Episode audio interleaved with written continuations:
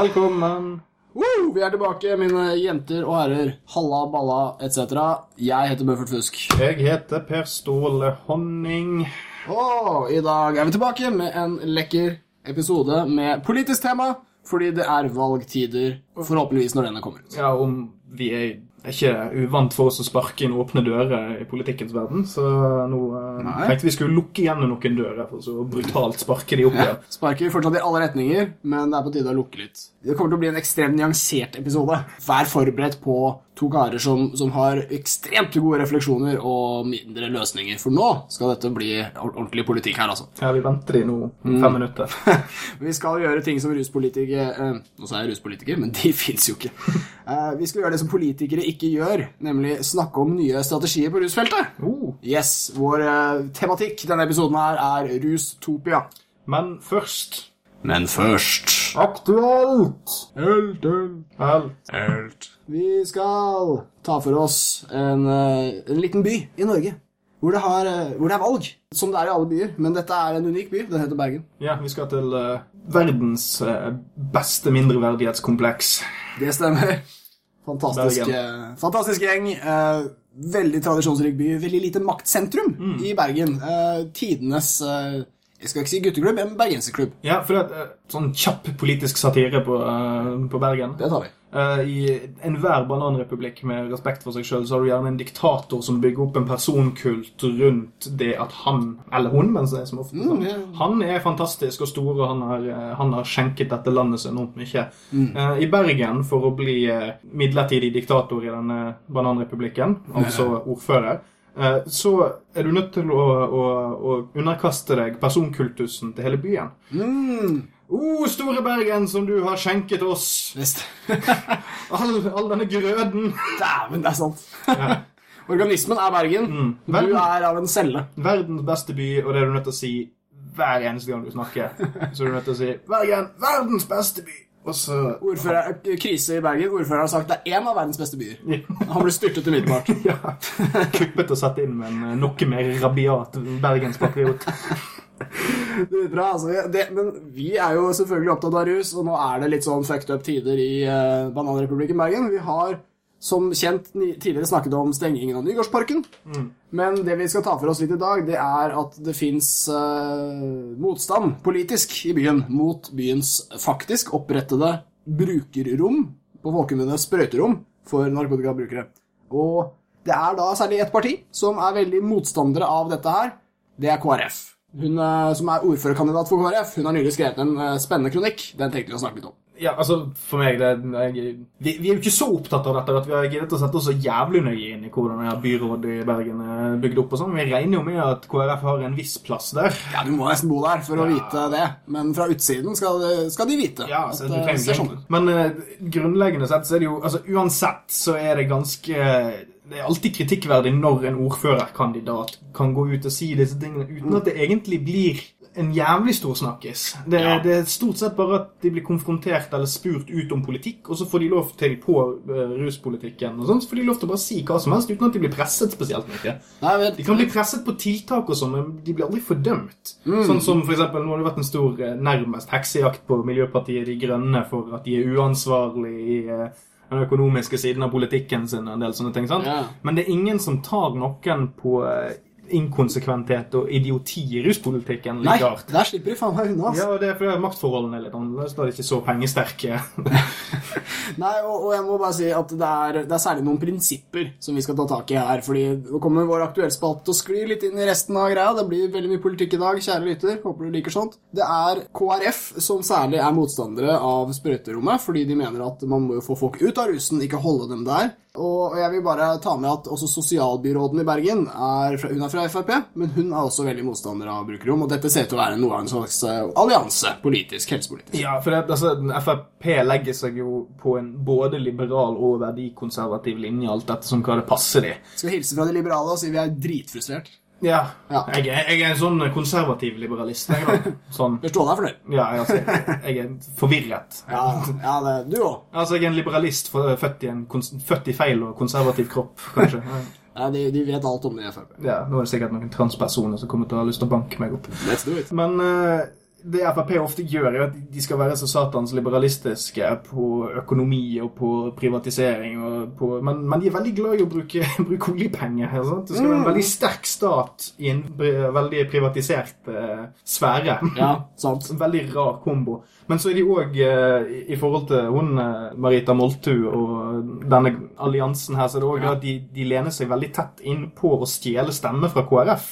Og da er ruspolitikken et veldig fin, fint sted å være konservativ. Altså Ja. verdikonservativ. Altså Ja. det, det, å, det å hente seg inn på en eh, Altså at de kristne på en måte kan, kan, kan Ja, ja, men Frp de er jo òg imot rus, selv om de er veldig for alkohol. Ja, Så det er en fin sånn balansegang du kan, du kan kjøre der. det er det, altså. Det er, jeg vil ta et par sitater sånn kjapt. altså, For, for Moltu er bare skrevet ned at eh, 'hjelpe dem ut av rusen', for det er liksom klassikeren. Og så har du eh, også, Nå har jeg glemt navnet på sosialbyråden i Bergen, hun er jo veldig kjent. Og hun har skrevet en kronikk hvor overskriften var eh, Tittelen var eh, 'Heroin er ingen mirakelkur'. Og som jeg sa, så hyggelig skrev på Twitter, at alle de null personene som har sagt det, har jo da tapt debatten. Eh, hele tiden gjør de altså dette, slåss mot eh, vindmøller på rusfeltet. Ja, for punkt én, heroin er ingen mirakelkur. Hvem faen har sagt det? Og nei, ingen. Og så da er det hun Moltu som sier at vi, vi vil hjelpe de ut av rusen, og ikke få de til å forbli der, eller tilsvarende utsagn, da.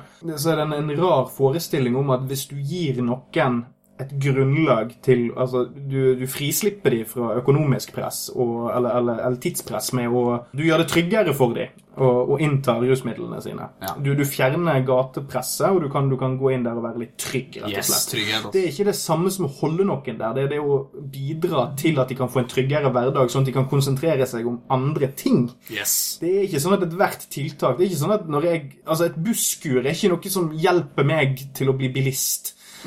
Nei. Eller no- noe sånt. Så nei, nei, det, det slipper å bli våt når jeg venter på bussen.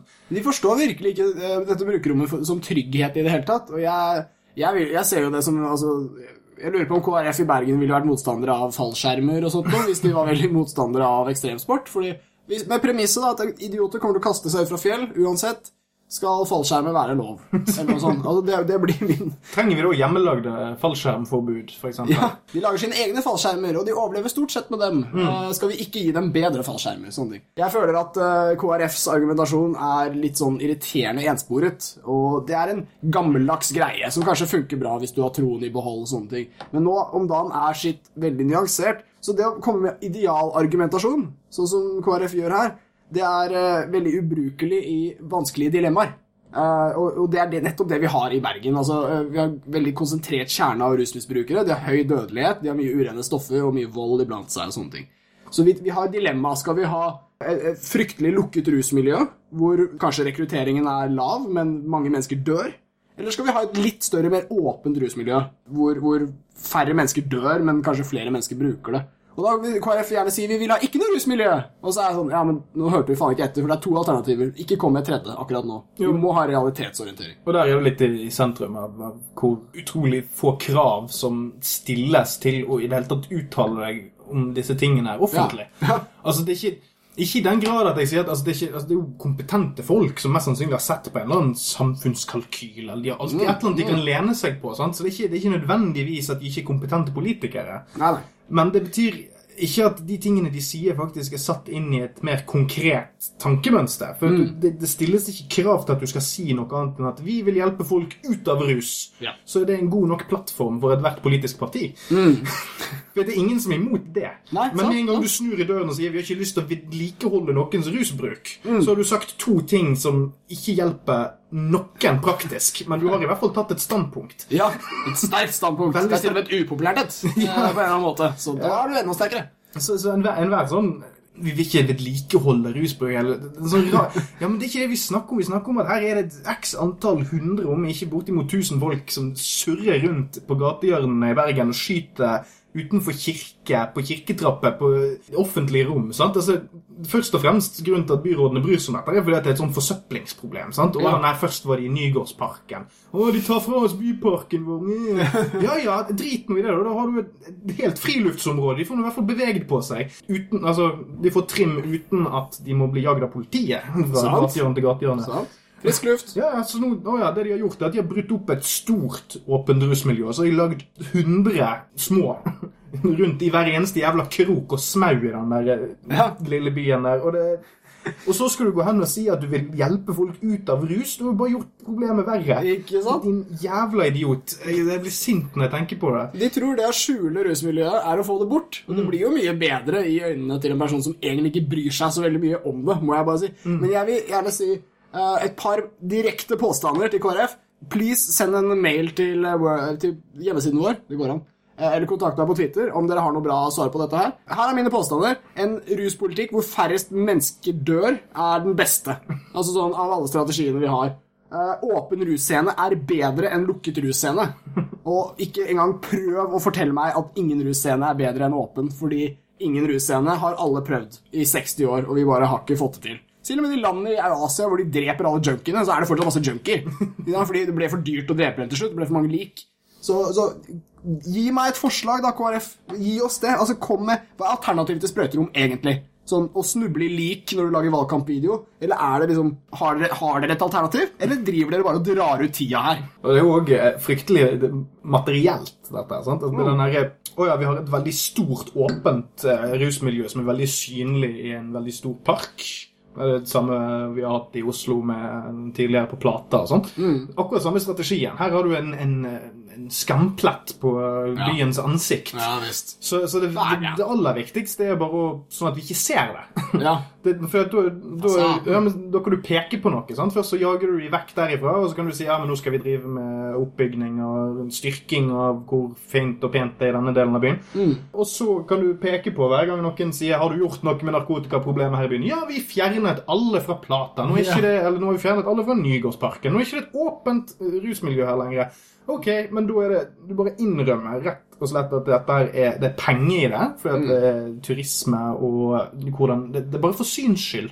Du har egentlig eh, begynt i feil ende av problemet. Du har jagd vekk borgerne dine. Ja. Sånn at de som, de som bryr seg så jævlig om, eh, om jeg, det overfladiske, de som i bunn og grunn har det greit, skal føle seg litt bedre når de går til jobb. Ja, sant. Det er sånn, Verdien for samfunn, samfunnsøkonomisk så har ikke dette gått opp, egentlig. Nei. Så du har, bare, du har bare rettet på en veldig overfladisk del av eh, problematikken fremfor å liksom gå inn i materien og gjøre noe. Ikke sant. Og, og, alt for turistene også, får jeg mye inntrykk av. Jeg må bare si til sosialbyråden i Bergen at disse turistene er stort sett ikke idioter. Kommer fra steder i verden hvor det er mye forskjellige løsninger. og sånne ting. Dessuten er det drit balle dyrt i Bergen. Og de må jo være høyressursmennesker, de som kommer. For ellers har de ikke råd til en eh, pommes frites på brygga engang. ikke sant? Nei, det er ikke akkurat eh, folk fra den kinesiske landsbygden som tar de togturene. Stemmer. Altså. Sier ikke at rike folk er smarte, men det jeg sier er at de er faen ikke lettlurte når du bare stuer junker ned i en jævla undergang hvor de dør, og så, og så vet alle at Bergen er en sånn narkotikafri by. Det, det kan bare glemme med en gang. Narkotikafritt samfunn har ikke blitt realisert, og vil ikke bli det i Bergen. Ei, ei, ei. Og KrF enda verre. og nå henger de rundt i alle de verneverdige smauene som dere er så jævlig glad i. Ja, snauene deres renner over av Likbergen. Hva faen skal jeg gjøre det? Og Siste jeg skulle dra Beklager for å lese opp tweets her, men her var jeg skikkelig fornøyd med. altså. Eh, KrF sin ruspolitikk. Eh, eksempelet er Det er som en mor som har et barn som holder på å dø av sult, men hun liker bare ikke matutvalget. Så hun bare lar den dø. For faen, drar ut tida med null løsningsforslag til det ikke er mer baby.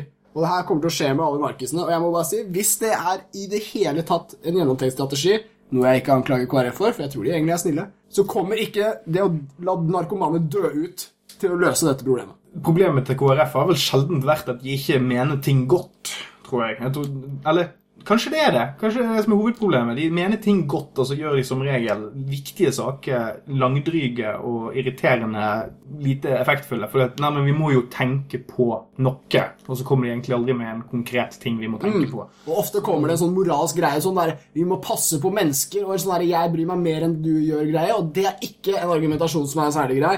For er det, er det én ting vi ikke liker mistanke for her i podkast om rus, så er det at vi sitter her som sånne jævla rusliberalister som bare vil at alle skal knarke og bare dø. Vi bryr oss ikke om mennesker. Fy faen, vi bryr oss like mye som KrF, ass. Skal vi bare vite. Vi trenger ikke Bibel for å bry oss like mye som KrF. Nei, vi har faktisk opptil flere her i bokhyllen. Ja, vi har lest alle, og vi bryr oss like mye. Ja, jeg sjekket både King James og 1984 1985. Ja, vi sier 1984, gjør ikke vi det? Storebror, ser jeg. Ja, visst faen. Norsk Ble 1984 imponert. Max imponert, Leste hele boka likevel. Så det skal dere vite, kristne. Vi har, vi har sjekka greia. Ah, ja, det var til KrF. Dere andre kristne er cool. Vi kan gå videre. Vårt neste tema er det samme tema. Rustopia. Rustopia. Det vi hadde tenkt å snakke om, er Rustopia, altså spillet på gode gamle renessanseteksten eh, fra Thomas More, som heter Utopia, hvor han da beskrev et eh, samfunn som var vakkert og, og politisk fritt, for å da kritisere Henry den 8. Eh, og det gikk jo dritdårlig, han ble drept og sånn. Men eh, boka er bra, og den handler stort sett om et mye bedre samfunn enn det han lever i, og det skal vi prøve å snakke om rusmessig. Ja, og Så skal vi prøve å unngå litt grann den der eh, fremtidsvisjonen som man kan eksempel finne i eh, kommunistiske tekster, sånn, der det skal Ja. bli finere å jobbe enn å danse. og litt sånn. Sant? Altså, det, det er mange fallgruver er, det- er det fallgruve eller er det fallgruve? For jeg syns det er mye bedre å si fallgruve. Ja, jeg, jeg skjønner ikke hvorfor den B-en er der. Nei, ikke jeg heller. Nei. Men eh, Valgfritt? Ja. Ja. Fallgruve. Fallgruve. Det er alltid en fallgruve når man skal drive og spekulere i sånne ting. Så at, det er at du, at du, ros, du maler det for rosenrødt, og alt skal være så snacksy og velpleid. Men her skal vi ta, skal vi ta høyde for eh, både økonomi og politikk og Yes. psykologi og sosialantropologi og det ene med det andre her. Ja, smarte folk, gled dere. Det er, de hadde en kampanje før. Eller grem dere.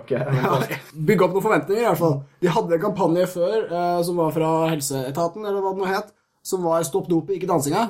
Eh, vi kommer ikke til å lage en kommunistisk uh, drømmeverden hvor det blir bedre å jobbe enn å danse. Heller ikke å ruse enn å danse. Faktisk like fint. Uh, så verken stopp dansinga eller dopet. Bare fortsett med begge. Ja, altså, så er det jo I min fremtidsvisjon så ser jeg jo for meg at du kanskje kan ruse deg litt for å tåle jobben din. Ja, Det tror jeg kanskje gjøres i dag. Det skjer i dag òg, men det må da være lov, som de sier i arbeiderklassen. Og vi skal inn på dette her også, at, at rus har både medisinske aspekter, funksjonelle ikke sant? Altså, vi, vi snakker hele tida om rus som sånne slamper gjør når de tar seg fri, på en måte. Men det finnes jo rusopplevelser som ikke er behagelige i det hele tatt, som folk bare gjør for å jobbe. Og, og dette her, det må med i vår uh, gigantiske analyse av Rustopia. Så uh, igjen, politikerne gjør jo ikke det her. Derfor gjør vi det. Vi, vi må begynne et eller annet sted. Jeg tror vi starter på denne forskjellen på polet og apoteket. Vi vet alle at på polet, der går du når du skal ha det moro. Uh, apoteket, der går du når ting ikke er så moro.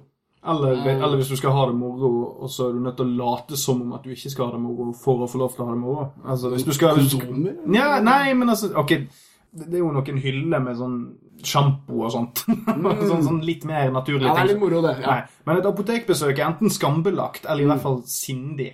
Ja Sant? Sindig er bra. Ja, sant? Altså, skal du på apoteket, så er det stort sett sånn enten er det for å hente, opp, hente et eller annet som kanskje du ikke er så stolt av, eller så er det for å hvert fall sånn Ja, ja, det er noe et visst alvor i det, er det ikke? Det er ikke bare fjas. Nei, nei, men så er det jo det at du kan jo òg stikke inn der for å misbruke reseptbelagt eh, smertestillende og litt sånne ting, sant? Så da kan det hende at du har lyst til å ha det gøy, men så er du nødt til å liksom da gjøre et sånt skuespill av det. Ja. For å få Samfunnets skuespill. Nei, men Hovedfunksjonen til et apotek er jo rett og slett bare å distribuere legemiddelet, sånn at folk skal slippe å dra til legen for Ja. alt. Det er vel kort og godt det. Så er Ja. reseptbelagt og ikke reseptbelagt. Ja. Og Og igjen, altså jeg, Jeg har ennå ikke kommet til den alderen at jeg er nødt til å være der så mye, så sorry om jeg snakker litt ut av ræven her. Nei, ja, samme her. Heldigvis. Helsa i orden, alt det der. Men jeg har alltid hatt sansen for farmasøyter. Altså, Leger er veldig Og de skal kurere så gjerne mye, men farmasøyter, farmasøytene de er veldig flinke på legemidler. De vet absolutt alt om hver lille molekyl og sånn. Hadde jeg vært lege Gjett om jeg hadde vært farmasøyt, da. Det er veldig mange trivelige middelaldrende damer som er har jeg Ja. Altså sånn Stappfulle agstøy på det leget. Det er jævla trivelig. Valium. Nei, men seriøst, farmasøytene er jo for smarte til å ta valium. ikke sant? Altså, Det er skikkelig skikkelig bra gjeng. Må bare si det. Uh, en ting jeg også gjerne tatt med, er å snakke litt om Vinmonopolet. Min, min kanskje favorittstatlige bedrift. Ja, for, for, for konteksten her er jo det at uh, skal man i fremtiden eh, legalisere og avkriminalisere rusbruk, Ja. Så trenger vi en, en Så er ofte argumentet som blir dratt fram, vi må ha en vinmonopol-lignende ordning. Det har vel vi frontet litt her òg, og det er mange andre i debatten som har gjort det ute i uh, eteren. Ja. Eh, men da er det rent praktiske. sant? Så hvis vi ser for som du var holdt på nå, så fortsetter vi der. Så bare, hva, hvordan er det Vinmonopolet fungerer i dag? Ja, Og hvordan er det vi ser for oss at et ruspol eh, funker? Absolutt. Det, vi, jeg hadde lyst til å referere bare sånn med en gang til en Natt og Dag-artikkel som var skrevet i 2010. Men den er veldig lett å søke opp på Google, fordi da skriver man bare inn 'Narkopolet'. Og så kommer den opp. Den ligger nok mest sannsynlig under uh, lydfilen når eh, den legges ut. Fort gjort. Nei, de vil jo lære folk å google. Men uh, det er altså en kjempefin fremtidsvisjon av en som heter Andreas Falkenberg i Natt og Dag, og han skriver om 2015 og eh, 50, herregud, unnskyld meg. Han skriver om 2050, hvor uh, mennesker, norske mennesker kan gå på Narkopolet og kjøpe ymse substanser med legitimasjon av uh, veldig futuristiske typer, DNA og øyeskann og sånt noe. Uh, og jeg liker dette her veldig godt, fordi jeg er jo også en av de som syns det burde være på polet. Jeg ville kanskje ikke kalt det narkopolet, jeg ville kalt det ruspolet. Ja, Jeg kanskje egentlig ikke kalt det Altså kjøre en sånn New Public Management-greie med å bare kalle det for et eller annet. Anastasia. Ja. Det var det første som kom. Vet ikke hvorfor. Psykoanalytikere, kom at me. Ariel-klinikken. Ariel-klinikken. Bare for å bruke en annen Disney-prinsesse. Ja, veldig bra. Jeg liker det. På Pocahontas eh, heter Nei, det, det, det, det du skal liksom eh, på Changa og avdelingen Pocahontas på Anastasia-sjappa. Åh, nå snakker vi. Vi er i gang. Dette er dystopisk. Men eh, det jeg ville si, bare skyte inn, det var at skillet mellom polet og, og, og apoteket, som vi var inne på, det er jo denne sindigheten og på en måte mulighetene til å slå seg løs og på en måte si til de ansatte i kveld Så blir det gøy, liksom. Og polansatte er stort sett ikke så glad i å snakke om det. Men jeg ville bare skyte inn før jeg snakker videre om Polet, at, at eh, når vi hadde Gro Harlem Brundtland mer aktiv i politikken Etter at hun var statsminister. Men da hadde hun et initiativ for å få røyk på apoteket. Flytte sigarettene Det er, det er vel òg Gro sin fortjeneste at det ikke kan kalles light-sigarett i Norge. Ikke det, Det er godt mulig. For jeg lurer på hvis det Hun var Marlboro. Gold og Prince Mill og sånne ting, men du kan ikke kalle det light for at det gir et feil inntrykk av at det er mindre Ja, helseskadelig. stilig en språklig greie. Ja, altså, det kan forsvares, det. Men, Det kan det. det er stilig poeng. Artig kampanje du kom på der. Jeg vet ikke om det å gold høres så Veit ikke om det ble så mye helsegevinst Nei, nei, det er sånn, du, du kan si at det er et godt argument, men hvorvidt det faktisk funker, er litt Ja. vanskelig. Hva? Er det ikke prinsen mild? Jeg slutter på dagen. Er ikke det gull i denne tobakken? Ja. Nytt, nytt merke? Nei, nå har jeg fått nok. Over på snus. Det jeg ville snakke om med Vinmonopolet, de er jo en jævla morsom gjeng. De er veldig flinke. De har sånne informasjonshefter om hvilken alkohol som går til hvilken mat. Absolutt alt. Men hvis du spør dem blir jeg digg drita av den vinen her, da blir de sure. Da blir sure på polet. Jeg har aldri prøvd det. Jeg, for, jeg, for jeg, med en gang jeg går inn dørene Det er noe med måten Vinmonopolet er lagt opp på, som bare strammer deg litt opp. Ja, For du vet Smart. At, ja, for, altså, jeg er jo ikke nødvendigvis den mest eh, konservativt eh, kledde personen eh, i verden.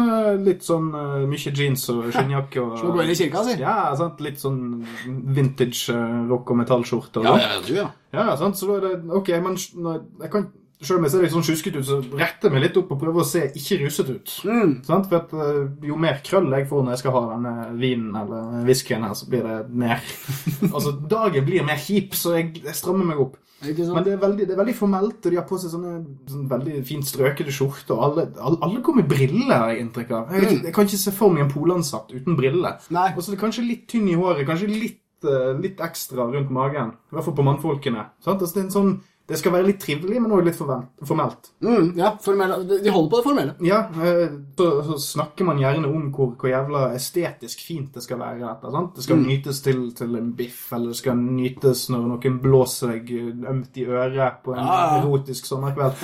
Men det er aldri snakk om at du skal, som du nevnte, drikke deg drita. Nei. Sant? Et veldig, jeg kan ikke noe om hvordan de oppdras eller, eller læres opp i jobben sin, men jeg tror ikke at det er påkrevd at du skal drikke en hel flaske rødvin for å teste den på Vinmonopolet. Jeg tror det bare er smakstester. Ja, det stemmer nok. Du tester, jeg, jeg nekter å tro at den, Det er jo statseid, så jeg nekter å tro at den norske stat kan tvinge noen til å drikke seg full for å få en jobb. Det kan de bare ikke. Tror, de kan ikke tvinge dem til å spytte heller, kanskje. Nei, så- men, eh, på vintesten. Så Vinmonopolet er veldig bra sånn sett, men den er jo heller ikke sånn de legger jo ikke opp til at eh, Altså, det, det er en stor elefant i Vinmonopolet. Det er en elefant. Og det er alkoholruseffekten. Ja, og, og jeg må bare si at det kan virke som en veldig triviell problemstilling, dette her.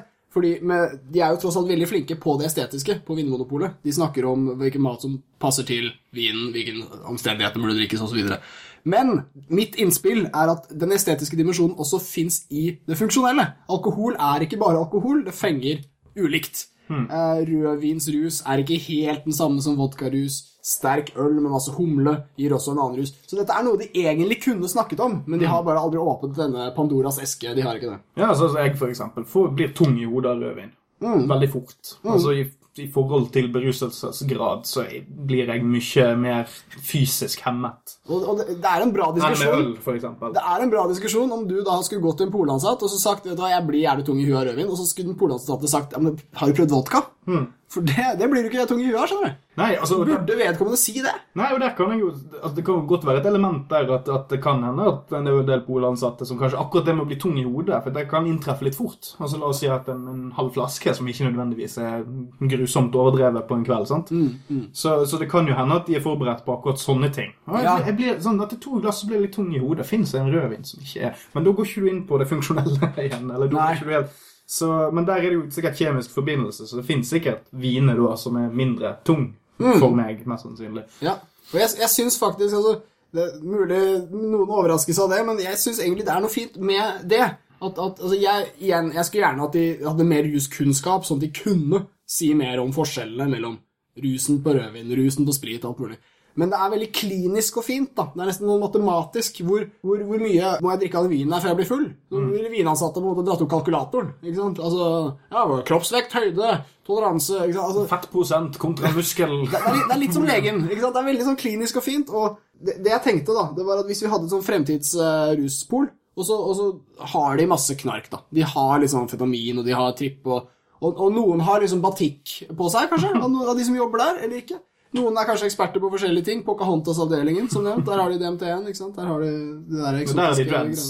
Der har de sikkert dreads. Kanskje det er en nisje i, i utformingen. Cola-utvalget utelukkende eks-børsmeglere Men ikke sant, som det der gode poenget ditt som, som står i Det er de som veit om coken. Men Ja. jeg, altså, hvis det sto en med dreads og en med skjorte i coke-avdelinga, så går det til han med skjorta, for han kan coke. ikke sant? Men, men de, i, i, hvis du skulle møte en mann på polet, og han skulle gi deg uh, guiding, så er det jo akkurat som hvis du går på Vinmonopolet i dag og møter en alkoholiker, så vil du ikke nødvendigvis knytte hans uh, alkoholisme til uh, et slags eksperttegn. Eh, og det samme ville vært på Fremtidens ruspol. at Hvis jeg gikk inn der gikk, La oss si jeg gikk på amfetaminavdelinga, da. En litt vanskelig avdeling. Så, så ville jo Vanskelig avdeling for vanskelige folk. det er mye vanskelig som skjer der. Men det er, greia er at jeg, jeg ville veldig likt om min selger, veileder, hva enn han er, hadde teoretisk erfaring med hva amfetamin er. Om man har praktisk erfaring, ikke så viktig for meg. Eh, Kanskje også best om man ikke har det. Ja, men altså, der har man jo òg det, det etiske med at noen har testet det, vil jo da forflytte seg litt. Altså Med f.eks. kokain Ja, ja. og amfetamin så er den, den fysiske risikoen for avhengighet er jo vesentlig høyere enn med f.eks. Uh, cannabis. Ja visst. Ja. Så Man kunne hatt en sånn frivillighetsbasis, kanskje. Har du erfaring, så er det bra, men vi foretrekker at du skal gjennom disse kursene for bare å oppføre deg ordentlig. Ikke sant? Sånn at, at, du ikke, at du ikke bare går rabiat i medisinskapet etter at du har eh, stengt sant? Altså et par sånne, det, det kan jeg skjønne at man, man ville trengt en, form, en formell linje, men kanskje litt mer løsere i snipper enn dagens vinmonopolordning. Tror jeg er ikke bokstavelig talt færre snipper, enkelte avdelinger. Ja, for det, sant, må, de ansatte må i hvert fall ikke knarke. I dag må ikke Vinmonopolansatte drikke alkohol, og det hadde vært helt sprøtt om de måtte noe som helst, eh, egentlig. Men eh, jeg vet også at det er mange som vil ha jobb i Vinmonopolet, at det er en populær arbeidsplass. Og hvis man kunne opprettholdt det, så hadde det jo ikke vært noe problem å luke ut bermen heller. Nei, men der, der kommer jeg på et lite sånn sidepoeng her. Fordi at med, med Vinmonopolet så er jo det en automatisk fordel. Det, er litt sånn som hvordan de få tobakkssjappene som er igjen her, fungerer òg. Det er jo det at det bare er ett rusmiddel de caterer til. Det er styrkegrad og kombinasjon og sånn, men det er stort sett bare én konkret, veldig grei og oversiktlig grei, sak. Ja. Og uh, rusmonopolet i fremtiden ser man da for seg Ok, da, da ser jeg to varianter. Det ene er at du har mange, mange mindre avdelinger eller filialer Ja. som caterer utelukkende til én grein. Altså am Mm. amfetaminbutikken eller hasjbutikken. Eller at, at du, du har Sånn at du slipper å tvinge alle disse folkene inn på samme sted samtidig. Ja, ja, ja. Fordi hvis du ser eh, åpne rusmiljøet, der har du mye krangling og hoiing. Fordi at folk er på alt mulig rart hele tiden. Så jeg vet ikke om, om du skal tvinge hasjerne inn i samme rom som amfetaminfolket. Nei. Og coke-folket kommer jo bare til å irritere på seg alle de andre. Det, Så det, det, det er kjempeidé, syns jeg. Fordi dette gir, kan gitt oss en mye mer dynamisk ruskultur. Tenk om de åpner alle polene i Raufoss. La oss si Raufoss. Og så, så må amfetaminavdelingen legge ned. For det var ikke så mye etterspørsel i Raufoss. Og da, Dritbra. Vet du hva som kan skje neste gang? Da blir det ikke noe amfetaminmiljø i Raufoss om ti år heller. Så vi har faen ikke noe sjappe. Altså, Vi kan få en mye mer dynamisk lokalkultur. Ja, mulig. Altså, så kan jo det gå grovt utover, utover de på Raufoss som har lyst på amfetamin. Hvis det Ja. Men da kunne du fått en ordning der, der eh, hasj, hasjpolet får lov til å Ja, men de kan få dispensasjon for 10-15 stykk, sant? sånn at de, de kan i hvert fall distribuere. Ja. Altså, du kan, du kan ha du kan pakkeordning, du kan abonnere. Abonnering! Det liker jeg. Statlig abonnement. Eller så ser jeg for meg, altså, hvis du, hvis du ikke skal ha disse småfilialene, Mm. eller så kan du kombinere det med en sånn større sånn Ikea-avdeling, eller noe sånt. En sånn her supermål, der du har alle filialene. Du, du, kan, du, går ned til hver filial, da, sånn at du i hvert fall slipper å liksom treffe alle. Jeg ser for meg Bong-filialen på, på Rus Ikea. Bare, åh. Jævlig mye plastikk der, da. Ja, det er kjipt. Det er kjipt. Det må være billigavdeling òg, vet du. Ja. Litt sånn nillete. Men, eh, men jeg liker veldig godt dette med mange små avdelinger. Og Ikea, hvis det var marked. Eh, Men, men at med alle disse små avdelingene så kunne man hatt mye større grad av fleksibilitet. Og folk liker jo at ting er billig og sånn, men det må jeg bare gi opp her, for rus er dyrt. Det, kommer alltid til å være en svær post på statsbudsjettet, så la oss, la oss gjøre dette riktig. Men hvis vi skulle klart en av de gamle, upopulære visjonene mine, som jeg tror du deler òg, Per Ståle, det er jo at å få alkoholen ut av dagligvarebutikken. Ja. Og kanskje også sigarettene, på en eller annen måte. Men det krever at vi har et solid alternativ. Ass. For ellers har vi opprør eller bare 9-6-bølge med en gang. Ja, Vi, vi må ha noe, noe alternativ. Ja, og der, der er det jo, jo Utfordringen er jo i, i forhold til eh, jevn distribusjon, og i hvert fall sørge for at det ikke blir eh, forskjellsbehandling. da. Ja. Altså, altså at Jo lengre ut ifra altså Jo mer grisegrendt strøket er, jo, Ja. mer, jo lengre er du nødt til å kjøre for å handle uansett. Så, men der må du ta noen høydere for småkommune og storkommune og kjøreavstand og sånn. Ja. Men uh, det du fort kan uh, ende opp med med sigarettrøyking i litt større grad enn alkohol, så er det jo det at det er en mye mer umiddelbar hverdagsting. Så, så det å sørge for at tobakken er tilgjengelig for folk flest, eller for de som har lov til å kjøpe det, kan bli et litt problem. Da. Så det, er alltid en utfordring med, med restriktivitet. At du kan Hvis du strammer altfor hardt altfor fort, så ender du veldig fort opp med å, å, å fyre opp under et svartebørsmarked. ja, det er veldig sant. Så det er den, Shit. eh, Med alkohol tror jeg det er enklere, for vi har allerede et, et, en polordning som fungerer ganske bra. Så det å Mm. utvide den over x antall år, og så få flyttet Altså ta det stegvis. Du gjør det ikke Mm. over natten, men altså, du, kan, du kan begynne med å fjerne rusbrusen. Altså, du, du fjerner så og så mange ting fra dagligvarehandelen. Det vil fremdeles være alkohol der. Mm.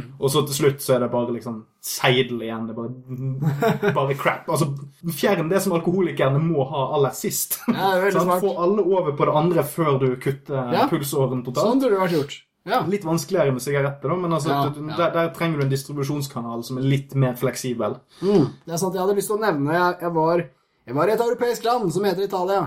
Og der eh, var jeg i en by hvor de ikke solgte sigaretter noe annet sted. Og det var ikke restauranter engang. Enn disse automatene som sto veldig mange steder rundt i byen. For å bruke disse automatene måtte du ha et, eh, et slags medlemskort som verifiserte at du var over 18, og så bippa du det som et månedskort på T-banen, og så, så kunne du handle. Og dette er jo for, for turister, for meg eksempel, så var det sånn Nei, du må ned på turistkontoret og få deg sånn turistkort. Og det er jo bare dritt. Så alle kjøper for hverandre. Ikke sant? Så det er spørsmålet om det her er bedre eller dårligere enn å ha det i en butikk. Ja, det, For uh, det, er ikke, det er ikke lett å si. Det, det hadde noen fordeler. Det var ikke så mye sigg i omløp. Altså, de, de klarte å begrense tilgangen godt, og det var mye bra. Men, men det er jo bare å bippe for alle vennene dine, er det ikke det? ja, for det er noe med, med, med autoriteten med en salgsperson. uansett om den Ja, salgsperson. ja, ja. Og det, det er kanskje et problem med, med måten altså hvis, Det må i hvert fall være et første mål med tobakk. skal, folk, folk under 18 skal ikke ha tilgang. sant? Bare, altså, hvis, du, hvis du har virkelig lyst, så kommer du sikkert til å klare å få det til. Men eh, sånn, som en generell regel, veldig få som krangler. sant? ja. Så akkurat det med tobakkssalg er jo litt vanskelig med, med dagligvareforretninger og sånt. Det er jo det at du, der, der sitter det jo gjerne en 18-åring sjøl. Altså, det, er ikke- det er ikke så mye autoritet der. Men du har i hvert fall et menneske som kan cut you off. Ja. Synes Det høres sikkert greit ut med de automatene, men det er jo veldig lett for en sånn 18-åring eller et eller sånt å få tak i et sånt autorisasjonskort, Ja. og så bare blippe ut masse, masse, masse sigg, Ja, og så bare selge det for litt mer til kompiser under 18, sant? og så har du i gang en liten Ja, for Hvis du har en kvote, så er det allerede problematisk. Og dessuten så var jo noe av premisset som jeg skjønte for at de fikk innført disse automatene, det var jo det at de skulle være mange steder. Røykerne ble jo sinna, ikke sant? Men nei, de skal være så mange steder, så det blir ikke noe stress. Men da forsvinner jo sanksjonsmuligheten desto mer. Fordi la oss si det er én automat som ligger ved en skole eller noe, alle kidsa bruker den. Så, så fjerner du den, og så må de da bare gå ti meter til neste automat. Liksom, fordi de, de må ligge overalt. Ja, og så er det nettopp det at du kan ikke ta, du kan ikke ta tobakksbevilgningen fra en automat. Ja. Sant? For at automaten har oppført seg uetisk. Ja. Det kan du nødvendigvis gjøre med forretningsinnehavere. Og markedsteknisk, selv om det her er slemt altså, Egentlig skal vi bare bry oss om sigaretter som sånn veldig farlige ting, og sånn, men det er jo kioskeiere og litt sånn ikke så veldig rike mennesker i utgangspunktet som tapte i det kommunen begynte å selge sigg sjøl, og nekta alle andre å selge sigg. Det er jo en markedsvurdering som er drøy. Ja, akkurat sånn sett så er vel det den største sperren for å få eh, øl og rusbrus ut av eh, Rema Å, oh, shit. Reitan hadde ikke likt det. Altså. Nei, nei, det, det kommer mest sannsynlig aldri til å skje heller. Kreftene går jo, markedskreftene går i den andre retningen på det. Ja. Men det, det prinsipielle her er jo eh, altså utgang, Vi gikk vel ikke inn på det når vi begynte å snakke om det, men det prinsipielle i det er ikke det at altså Folk flest takler alkohol ganske greit, men det er denne tanken om hvorfor er det der i utgangspunktet? Ja. Hva er det vi egentlig sier med at øl selges side om side med Pepsi? Mm. Med Pepsi er vi veldig sånn, det er jævlig mye sukker i det, og ødelegger tennene dine, men vi kan jo drikke det likevel. For, det, sant? Det, er ikke, det, det er ikke helt det samme som at du blir Du kan kjøre bil etter at du Ja. sant? Du kan være sammen med unge når du har drukket tre liter Pepsi. En forskjell. sant? Det, det, det er litt sånn det, det signaleffekt er én ting, men det andre er at du må ta litt grann hensyn til de folkene som har det jævlig òg. Altså Ja. Derfor er det viktig at, at som regel skal det gå an å få tak i alkohol hvis du har lyst på alkohol. Mm. Men det er denne tanken om at hvis du er alkis, så er det ikke så satans gøy å skulle gå på butikken hver jævla dag og Mm. handle en banan for noe, noe gulrøtter til å knaske på for å døyve abstinensene, og så står det 14 hyllemeter med, med øl foran øynene dine. Altså, det er noe med Rent prinsipielt så er litt problemet med å se akkurat hvorfor det er mer verdt å Ja. ha det der. Jeg er helt enig. Og det er derfor det faller ned på det upopulære poenget. At Sa han og tok en Swill uh, Tuborg. av en butikkjøpt Tuborg. Men det er igjen, altså Det handler om idealer, og nå gjør jeg og du òg det samme som KrF gjør. ikke sant? Og Vi snakker om hvordan idealet burde være. Og det er en jævlig fet diskusjon å diskutere idealer, fordi det er på idéplanet, og vi burde ha gode ideer om rus. Men vi er da desto bedre enn KrF i det vi innser realitetene her. Som for eksempel at det blir sykt vanskelig å få ølen ut av Ja, dagligvarebutikken. altså har uh, Trolig vil det aldri skje engang. Eh, med mindre dette idealet om at rus er egentlig ikke en dagligvare. Ideelt sett så burde rus ha sin egen butikk, og så burde mat ha en annen. Men igjen, du vet, vi, vi er i hvert fall eh, realitetsorienterte her i Podcast om rus. Vi vet om verden vi lever i, og vi Akkurat som uh, vi ikke ville akseptert at junkier dør i Bergen, uh, så vi, må vi på en eller annen måte akseptere at uh, denne ølen har nok til felles med kneip til at de faen meg skal stå på hver sin hylle. Ja, og, Irriterende. Ja, og det, har jo, det er jo mange som har påpekt, men vi har et jævlig rart forhold til alkoholservering her i landet. Det større, Ja. Noen av de siste store kranglene har jo vært sånn Å, skal være ut Hva var det annet med, med, med polkvotene, og det var alt mulig jeg følte Ja, ja, Folk krangler så jævlig politisk om hvor mye vi skal ha lov til å ha med oss og hente og kjøpe av ting vi allerede har her i landet, altså øl og tobakk. At, hvor mye vi skal kunne ha med oss hjem privat kommer, eller, eller kjøpe på taxfree-en når vi kommer til, til, til, til Gardermoen. Det er helt vilt. Ja. Altså, det er den, den sånn rar uh, særordning vi har lagd oppi hodene våre. Som Ja, det er virkelig det. Det er veldig sant, altså. Berettiget, uh, snodig. Det sånn, og det, det kan jo sikkert være av en del andre strenge reguleringer vi har hatt. Så det, det, er veldig, Ja. det er en veldig stor eh, Stor innfløkt masse her som er litt vanskelig å Ja.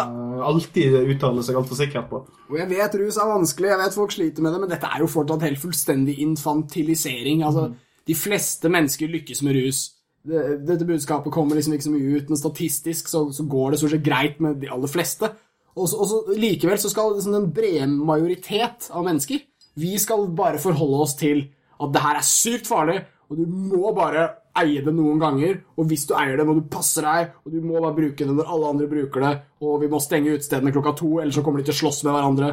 Og, og dette er ærlig talt, vi er individer, og vi er voksne, og, og det blir litt mye flokk. Det blir litt barnehage noen ganger, altså. Med måten vi blir håndtert med dette her. Akkurat som ingen nordmenn kan å drikke. Jeg vil hevde at de fleste kan det. Jeg vet ikke om ak akkurat det der med den slåssingen det er en sånn her veldig merkelig greie. For der, der har, du jo, har, man, har man tall som peker på at det er mye mer effektivt å stenge klokken to enn f.eks. klokken seks om morgenen? Nei, det er noe ganske misforstått. Altså, alt peker jo på at det er ansamlinger som fører til vold. Uh, altså, og her er kanskje et eksempel på at man prøver å regulere samfunnet gjennom alkohol. Uh, ved å si at hvis hvis vi stenger alkoholsalget to istedenfor tre, så blir det mindre vold. Siden tre er masse vold, så blir to blir mindre. Men sammenhengen mellom alkohol og vold er ikke like synlig som alkohol, eh, sammenhengen mellom vold og ansamlinger. Taxikø kan være edru som faen. Hvis klokka er tre, så blir det slåsskamp. Altså, hvis det er nok folk, så er vi sure, og så gjør vi spontane, dumme ting. Og dette må vi unngå. Ja, altså Det hjelper jo ikke med alkohol på toppen av Nei, det, det igjen. Men det er ikke derfor fighten skjer. Fighten kommer fra bunnen av sjela. Nei, du, folk slåss. Nei, og Når du først skal drive og snakke sånn samfunnsøkonomisk på det, så kan man jo godt tenke seg at ja, hvis du har en jevn strøm med kunder fra klokken tolv til klokken seks om morgenen, så kanskje Da har du kanskje fått bukt med, med nachspiel Nei, forspillkulturen til en viss grad. Den er, den er mer ekstrem i enkelte deler av landet enn andre, men enkelte steder så er den ganske heftig. Nå skal vi drikke på som satan fordi at det er ikke åpent så lenge. Ja. altså, sånn Den lokale puben er åpen fra klokken er seks til klokken er ett. så da drikker du på så bare faen, og så skal du ut når klokken er ti. Så skal du drikke på som faen før det stenger klokken ett, og så er du riv rablende gal. Så det um, Jeg lurer på hvordan det ser ut i andre land, ja, hvor de har åpent hele natta. Det er ikke så jævlig mange steder, men typ Berlin og sånn. Når nordmennene kommer, vi må, jo, vi må jo fremstå som bønder som nylig kom til en by, eller noe sånt. Som bare liksom sånn «Å, 'Jeg kan drikke klokka fire', og 'De blir ikke sinte hvis du røyker joint', og Og det er fordi vi kommer fra denne fjellknausa her, hvor, hvor alle øh, på Nissebjerget på, på Bjerget hvor kollektivet har nisselua nedi øynene og, og krever at man skal oppføre seg veldig likt. Og dette er, dette er et kulturelt problem. Jeg tror ikke det å flytte stengetidene fra tre til to vil løse det kulturelle problemet. At vi krever mye av hverandre og er veldig strenge med hverandre. Eh, Da, er ikke promillenivået så veldig viktig i taxikøen. Du kommer til å slå han jævelen, for han er ikke bra nok. Han er ikke som deg. Skal vi rulle oss tilbake igjen på uh, polordningen vår? Ja. Vi kom til Sigomate og Polet ja, vi var det. og Og apoteket. En ting som er sikkert, som, som er sånn eh, like tverrpolitisk sikkert som velferdsstaten i Norge, det er at vi skal ikke privatisere rusgreia. Nei, fordi vi skal ikke drive og franchise ruspolene, for at da kan vi risikere å få ruslime. På narkolime. så- Ja, narkolime. Ah, jeg skal ikke si Ali, jeg skal ikke si det, men eh, Mustafa, kan- Mustafa! Vi må ha et nytt navn her. Mustafas eh, rusbutikk, Ja. kanskje? Ja. Den, den, det er bare, vi, disse kontrollorganene måtte vært ekstremt sterke. Ja. Derfor så tror jeg vi bare lar staten Ja, ja, det er nok snusk liksom, hos, privat, eller hos selvstendig næringsdrivende her i denne byen at du trenger ikke å legge liksom enda en større Ja. money-making business eh, på toppen av det hele med menneskesmuglingen. Og la meg ta med at selv om Narkolime-referansen ble Mustafa, så er dette et spørsmål at de private, generelt private, er en gjeng med skurker som ikke kan forvalte det ansvaret her. Og det gjelder Jørn sin russjappe, og det gjelder Ivar sin òg. Ja, det det var er jo- virkelig ikke for dem å gjøre. Nei, og det var vi jo inne på med, med alkoholsalget. sant? Altså, vi, Ja. altså, vi vil jo ha det, altså, som, vi har egentlig lyst til at det skal ut av dagligvarehandelen, men vi ser egentlig ikke det som spesielt realistisk at det kommer til å skje, pga. at det er for mye penger i det. Ja. Allerede, er allerede etablert et marked som kommer til å blø altfor mye av en sånn omstilling. Sånn ble det. Pluss at det er mer privatiserende, faktisk. For Hvis vi ser for oss at all øl skal inn på Vinmonopolet, så er det en privatiserings... Ja, eller, eller det, det er ikke det samme som privatisering, men staten tar tilbake igjen private næringsinteresser. Ja, ja, ja. Og det er eh, EU og, Uh. og IMF og sånn veldig, veldig lite glad i. Dæven, det har jeg ikke tenkt på. Det er jo mest sannsynlig Norge, da. Sosialistberget. Mm. Ja, sant, men jeg, jeg tror jeg, det kan godt hende at Norge er bundet av en del eh, internasjonale Ah. handelsavtaler som gjør at det der er ganske sketchy å få til. Det er så sant, mann. Faen, se hva som skjedde, altså. Vi Mm. ga alkoholfolket det der ræva monopolet Men her har vi jo nye- her har vi nybrottsarbeid som faktisk lar seg gjøre da, med, Ja. med, med ruspol-ideen. Fordi eh, man har jo en, det er masse private foretak i USA som holder på å blomstre opp eh, nå, så vidt jeg eh, har forstått det. Ja. Men, men Norge har en en positiv tradisjon med vinmonopolordningen som kan gjøre at her kan, her kan faktisk Norge stille jævlig sterkt. Her er det faktisk mulig å, å, kjøre en veldig statskontrollert, nesten frimarkedordning. Eller, Eller, mm. eller ikke frimarked, men altså, du kan ha et veldig bredt tilbud, Ja. men med en veldig streng statlig kontroll. Ja. Som du Jeg tror ikke du har så jævlig mange eksempler på det samme i andre land. Så, så sånn sett, så her, her, her har vi et, en, en, en modell som allerede fungerer til en viss grad. Så det, det å bygge på den tror jeg er positivt. Så om ølen kan jeg godt la suse, men ideelt ja. sett Er helt, helt forbudt enig. Og igjen, jeg gjentar budskapet jeg har trolig sagt før. Norge er jævlig egna for disse tingene. Vi er en endestasjon for transitt, altså frakting av rusmidler. Vi har, høyt, eh, vi har høy kjøpskraft, vi har politisk fleksibilitet i stor grad, vi har polordningen liggende der fra før. Og ikke minst, EU kommer til å bli sinte. Ja, flott at vi ikke er medlem, da. EØS er jo en tricky bitch, men vi er vant til å gjøre hva faen vi vil uansett. Angstdempende midler hadde jeg også lyst til å snakke om før vi tar vår lekre politiske oppsummering. Angstdempende, fort om det, benzodiazepiner. Altså disse medisinene som gjør at angst egentlig bare fjernes fra hjernen din. Og dette gir en slags rusfølelse. Det er ganske chill, men det er jo det farligste dritten noensinne. Folk som spiser det, de glemmer alt, lever angstfritt, som er et slags sosialt ideal. Nå, nå snakker du ideelt om misbruk. Ja, dette er misbruk. Det er sånn som det brukes, ja. Eh, absolutt. I utgangspunktet er jo dette medisiner som, som har veldig Som kan brukes fornuftig hvis du Ja. gjør deg jævlig forsiktig. Ja, bra du kategoriserer meg, mann. Fordi altså, i utgangspunktet så brukes dette veldig mye på plata i rusmiljøer. Men uh, det er jo egentlig uh, medisiner som har veldig stor bruk blant vanlige mennesker som også bare er syke. Som ikke ruser seg nevneverdig på dem. Angstdempende er digg for alle, men misbrukes av mange.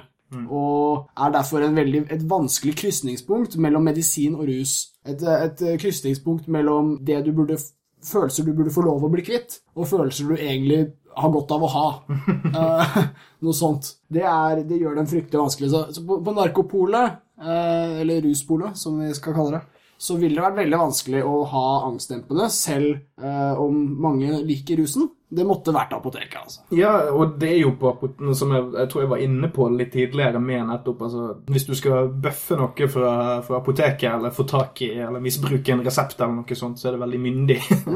Eh, og akkurat med, med benzo og de, de greiene der, så jeg tror ikke det er et, et miljø som ikke kunne få tak i disse tingene her på resept. Altså, den, Det misbruket er Ja. relatert til en hel haug med andre ting, som for eksempel eh, altså, traume fra, barndomstraume og rusbruk for selvmedisinering og en hel haug med andre ting. Sant? Så benzo kommer ofte i tillegg til et høyt speedforbruk eller mange andre ting som du kombinerer det med. Så jeg tror ikke at du har et enormt stort isolert marked for benzo. Nei. Så sånn sett så Det er jo sikkert de som foretrekker det, men jeg tror, jeg tror de folkene sliter med litt crap i utgangspunktet. Så jeg vet Ja. ikke om det, det er ikke noe behov for å få det inn på et rekreasjonell linje. Nei. Så sant. Sant? Det er ikke noe, det er ikke, Godt poeng. Det er ikke et rekreasjonelt marked der i utgangspunktet. Det- Godt poeng, og det måtte jo vært uh, Narkopolets, eller Rus, Rustopia, der vi er, så måtte dette vært en veldig stor ambisjon, å få egentlig folk vekk fra benzoene. Altså at de, at de kun blir brukt for den ytterste medisinske konsekvens, og at hvis du skal ha, ha det gøy med rus rekreasjonelt, så velger du noe helt annet. Mm, ideelt sett. Ja. Eh, Pluss at i denne settingen her så kan det jo hende at, at, at behovet for angstdempende som selvmedisinering ville få, eller bli minsket med en, en legalisering. Eller med Hvis det, alt er totalt avkriminalisert, i hvert fall. Nå det, sier vi ikke at alt skal inn på dette hypotetiske polet. Men, men du vil i hvert fall fjerne en stor angstdrivende del med at du blir kjeppjagd rundt for, for, for besittelse og bruk og, og Ja. alt mulig sånt. Sånn sett vil jo behovet for, for angstdempende kanskje bli litt svekket, for det er mindre å angste for. Ja, ja, jeg tror det. Jeg tror det. Godt poeng.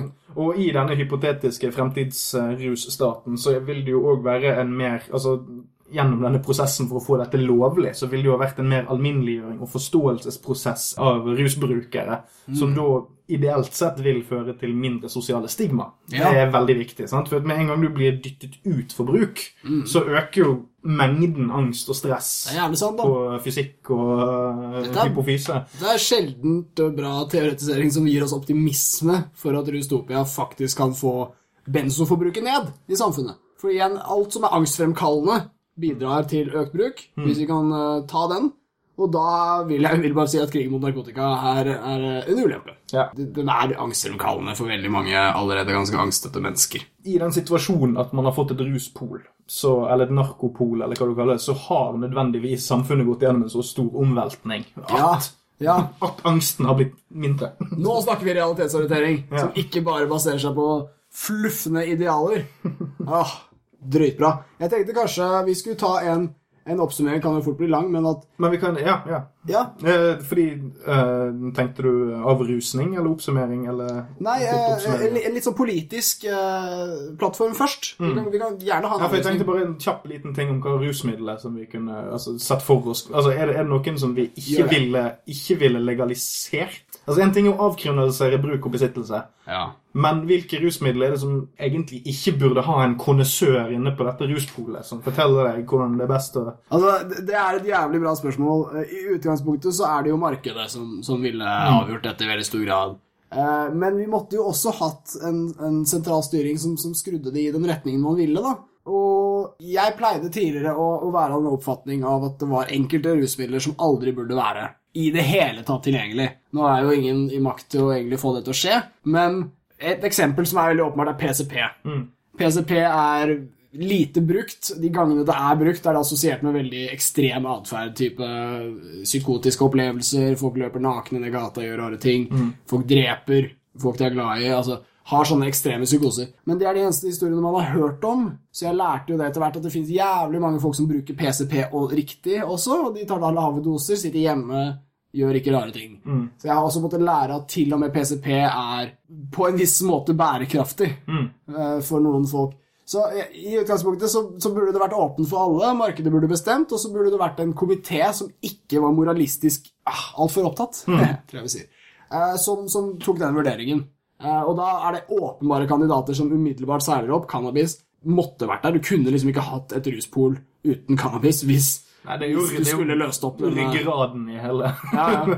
Nummer én kandidat til å være anerkjent i samfunnet av drugs, cannabis. Psilocybin Psilocybin er med, sopp, altså fleinsoppgreier. MDMA. Og MDMA, LSD, tross stigmaet det har, ville ku, kunne vært tilgjengelig. 2CB 2CB er en, en ny slags mellomting av LSD og MDMA. Og det finnes også andre ting som DMT. Og så, altså, kriteriene til hvilke rusmidler som burde vært på vårt ideelle pol, er at de ikke skal gi drastiske, varige forandringer i kroppen, sånn at du ødelegger noe eller endrer noe for brått. Eh, Det måtte, altså, toksiske ting burde vært eh, nedvurdert osv. Det burde også vært at man ikke blir altfor avhengig nødvendigvis. Altså, det finnes en hel haug med gode kriterier som kunne vært brukt her. Kriterier som, jeg må legge til, ikke har noen verdi i dag. I dag er det ingen av disse kriteriene som veies når ting skal forbys. Det er egentlig bare om de brukes mye. Uh, en ting som ikke er forbudt ennå, så sier tollvesenet til politikerne eller sånt, nå er det masse import av det, så forbyr de det. De sjekker ikke engang om det er farlig. Så det at disse kriteriene ikke verdsettes, det er noe som jeg vil endre av. Nei, for for eksempel eh, stoffet som kokain, som er relativt harmløst korttidsmessig, bortsett fra en økt aggressivitet og Ja, ja. Altså, Du blir en drittsekk, og du kan ende opp i mye kørkte situasjoner, men det, varer kort, og du kommer fort ut av det. Det kan men, brukes eh, forsvarlig. Det kan, det kan, det kan- Men du vil òg ha, ha greie med at det er, veldig det er jo sentralstimulerende, så du Mm. vil ende opp med å ville bruke mer av det. Og ofte, for det kan gå utover gråmassen i eh, gråmaterien i hjernen. eller? Ja, så den kan bli redusert over tid. Sant? Så det, der har du en under gitt god, god bruk i hermetegn. eh, og med, med en- en sjelden gang i løpet av noen, et år så kan det forsvares, men hvis det misbrukes, blir det veldig komplisert. Så der, der har du en veldig sånn grå, gråsone i gråmaterien. Ja, absolutt.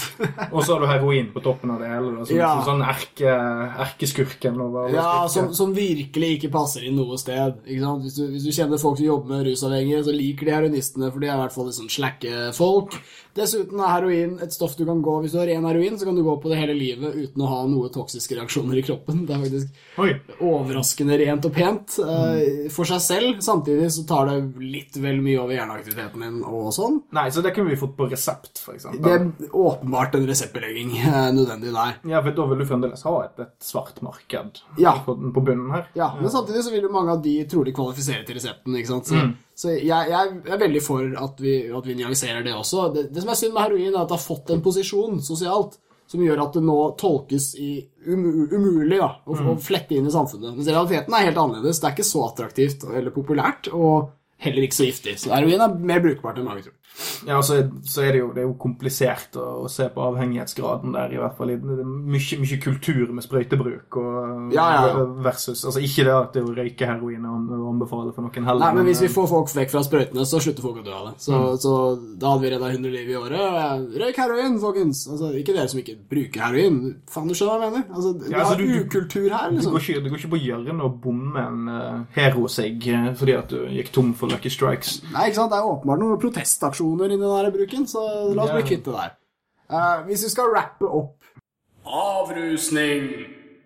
Boom! I ordets rette forstand. I det politiske partiet Buffert og Per Ståle så har vi en eh, ruspolitisk plattform. Den innebærer at vi Å, før vi sier det, dette er en eh, idealistisk rusplattform. Eh, Vi er nemlig et såpass radikalt parti at vi, vi tar ikke nødvendigvis realitetene og lager partiprogram etter dem. Vi er litt sånn KrF-ske. Vi tar Bibelen, som da er denne blokka med notater jeg har liggende ved siden av meg, og så sier vi dette her er sånn det burde vært. Rusbibel må jo være Cheech and Chongs samlede verke. Ikke sant? Ja, det, det, er, det er et veldig viktig kapittel. Det er liksom Chichichongs bok. Ja. Eh, Chongs bok. ja, slå opp i det hvis du vil ha eh, weed-apologeter, f.eks. Vi ville ideelt sett hatt uh, alkohol og tobakk ut av dagligvarehandelen, siden rus ikke er en dagligvare. Har du noen, eh, noe sånn til, til programmet? Ekspertise inn i, eh, inn i rusformidlingen, men det burde ikke være et krav at du prøver det. Ja, stemmer. altså, du må, må gjerne ha en kultivert eh, forståelse av, av hvordan en god sopptur skal Ja. være, både, både metaforisk og bokstavelig. Yes. Men uh, du burde, det burde ikke være påkrevd at ansatte skal måtte gå gjennom det. Nei, sant? Det bør ikke være obligatorisk, for det, det må være imot x antall eh, arbeid, x antall eh, tariffavtaler. Mot, mot menneskerettighetene. Ja. Men, men det, det er jo underlagt vårt punkt eh, i programmet om at vi vil ha flere rusmidler på Vinmonopolet tilgjengelig. Vi må knekke det svarte markedet, ta kontroll over det. Disse, dette skurkepakket her skal faen meg gi oss alle penga sine. Vi skal ha skattespenn. Ja, eh, uvisst hvor mye skattespenn vi faktisk ville fått inn på dette prosjektet. Da. Men vi kan jo anta at i dette prosjektet så kan vi jo da sakte, men sikkert omfordele pengene som ville bli brukt til rusbekjempelse Ja, gjennom litt, politi og rettsvesen og en del sånne ting. Så det, så det er ikke sånn at uh, altså Med beskatning så får man inn x antall milliarder, men uh, man må jo òg regne med at vi har en del besparelse i andre felter som òg da kan gå inn. Så, Mm. så spørsmålet er jo Går det i null, så er det verdt det. Hvis, hvis staten putter, putter x antall milliarder inn, og det går en nullbunnlinje her, så er det bra. Hvis det er overskudd, så burde det kanskje f.eks. gå til, eh, til helse. Mm. For eksempel, at, at ethvert mm. statlig ethvert overskudd som staten har på et ruspol, burde gå tilbake igjen til forebygging eller til, eh, til behandling av rusproblematikk. Ja. Sånn at dette ikke Ordne det sånn at du ikke kan ta noe fra ruspolet og putte det inn i en veiutbygging eller noe sånt, for det, det er da utnyttelse av folks lidelse. Yes. Angivelig, eller, eller glede, for den saks skyld. Ja. Så da, da har du dobbeltsikret deg der. Ja visst. Så så lenge du bare går marginalt med pluss, og sånn at det blir ekstra kronasje inn på, inn på ungdomsavdelingen på et eller annet herberge, så er det worth the fight. Ikke sant, altså. En ting som blir veldig synlig når vi diskuterer disse tingene her, eller hørbart, om du vil, det er at vi er veldig på overtid med det. Eh, jeg ville veldig gjerne at eh, Jeg har litt tillit til staten. Kall meg hjernevaska Nisseberget-deltaker. Men jeg syns egentlig vi, vi er litt sånn på lang overtid for å vite hva de faktisk syns om disse tingene. Jeg vil ikke bare høre fra toksikologer som sier at LSD gjør deg avhengig, eller sånn piss. Jeg vil ha, jeg vil ha sannheten her. Eh, Det fins noen rusmidler som er bedre enn andre. Hva syns staten om det?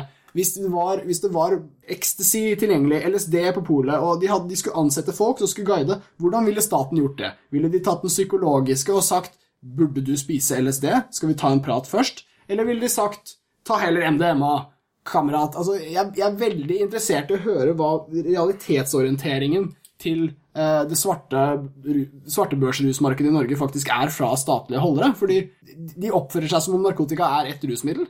Og ja. Jeg kunne godt tenkt meg å høre noe fra de voksne som faktisk er på Stortinget eller i sentralkomiteer rundt omkring, Mm. istedenfor å bare høre fra ungdomspartiene, f.eks. altså av, Mm. Ja, av stortingspartiene. Sant? Altså, ikke, ikke send en guttunge for å gjøre en manns jobb i en politisk debatt. Word. Slutt å sende ungdomspolitikere til russdebatter. Det er et skam.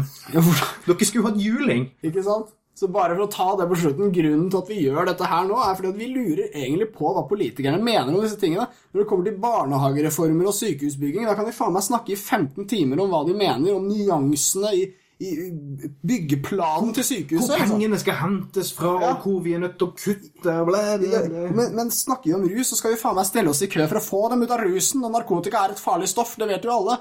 Vi kan ikke være 500 år forbi renessansen på ett punkt, og så i huleboeralderen på et annet. Og Det er litt sånn som vi er på, på rus. Jeg, jeg synes Det er såpass skammelig i lokalpolitikken i år, lokalvalget som skal stå nå, det er der du kommer til å merke resultatene av ruspolitikken. Hvis din kommune er full av junkies, hvis din kommune har eh, manglende tiltak, hvis dine venner ja, og hvis dine pårørende slektninger ikke får hjelpen de skal ha, så er det pga. akkurat denne situasjonen hvor du må ty til en jævla podkast på internett for å høre mennesker snakke politisk om realitetene knyttet til rus 2015. Hvorfor er ikke de mer utbredt i politikken?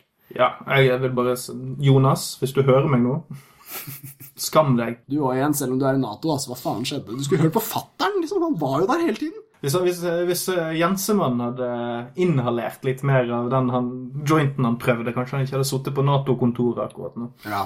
Og Siv, du veit at Carl tok feil om det strategiske, liberale prinsippet knytta til rus. Frp må ta denne saken. Og Knut Arild, jeg har sett øynene dine. Ikke faen om du har rent mel i posen. Kjære politikere, hør vår jævla bønn. Rus er nyansert og koster liv og koster penger. Arbe Neste valg, ass. Arbeid Mart frei. Det, det er siste ord.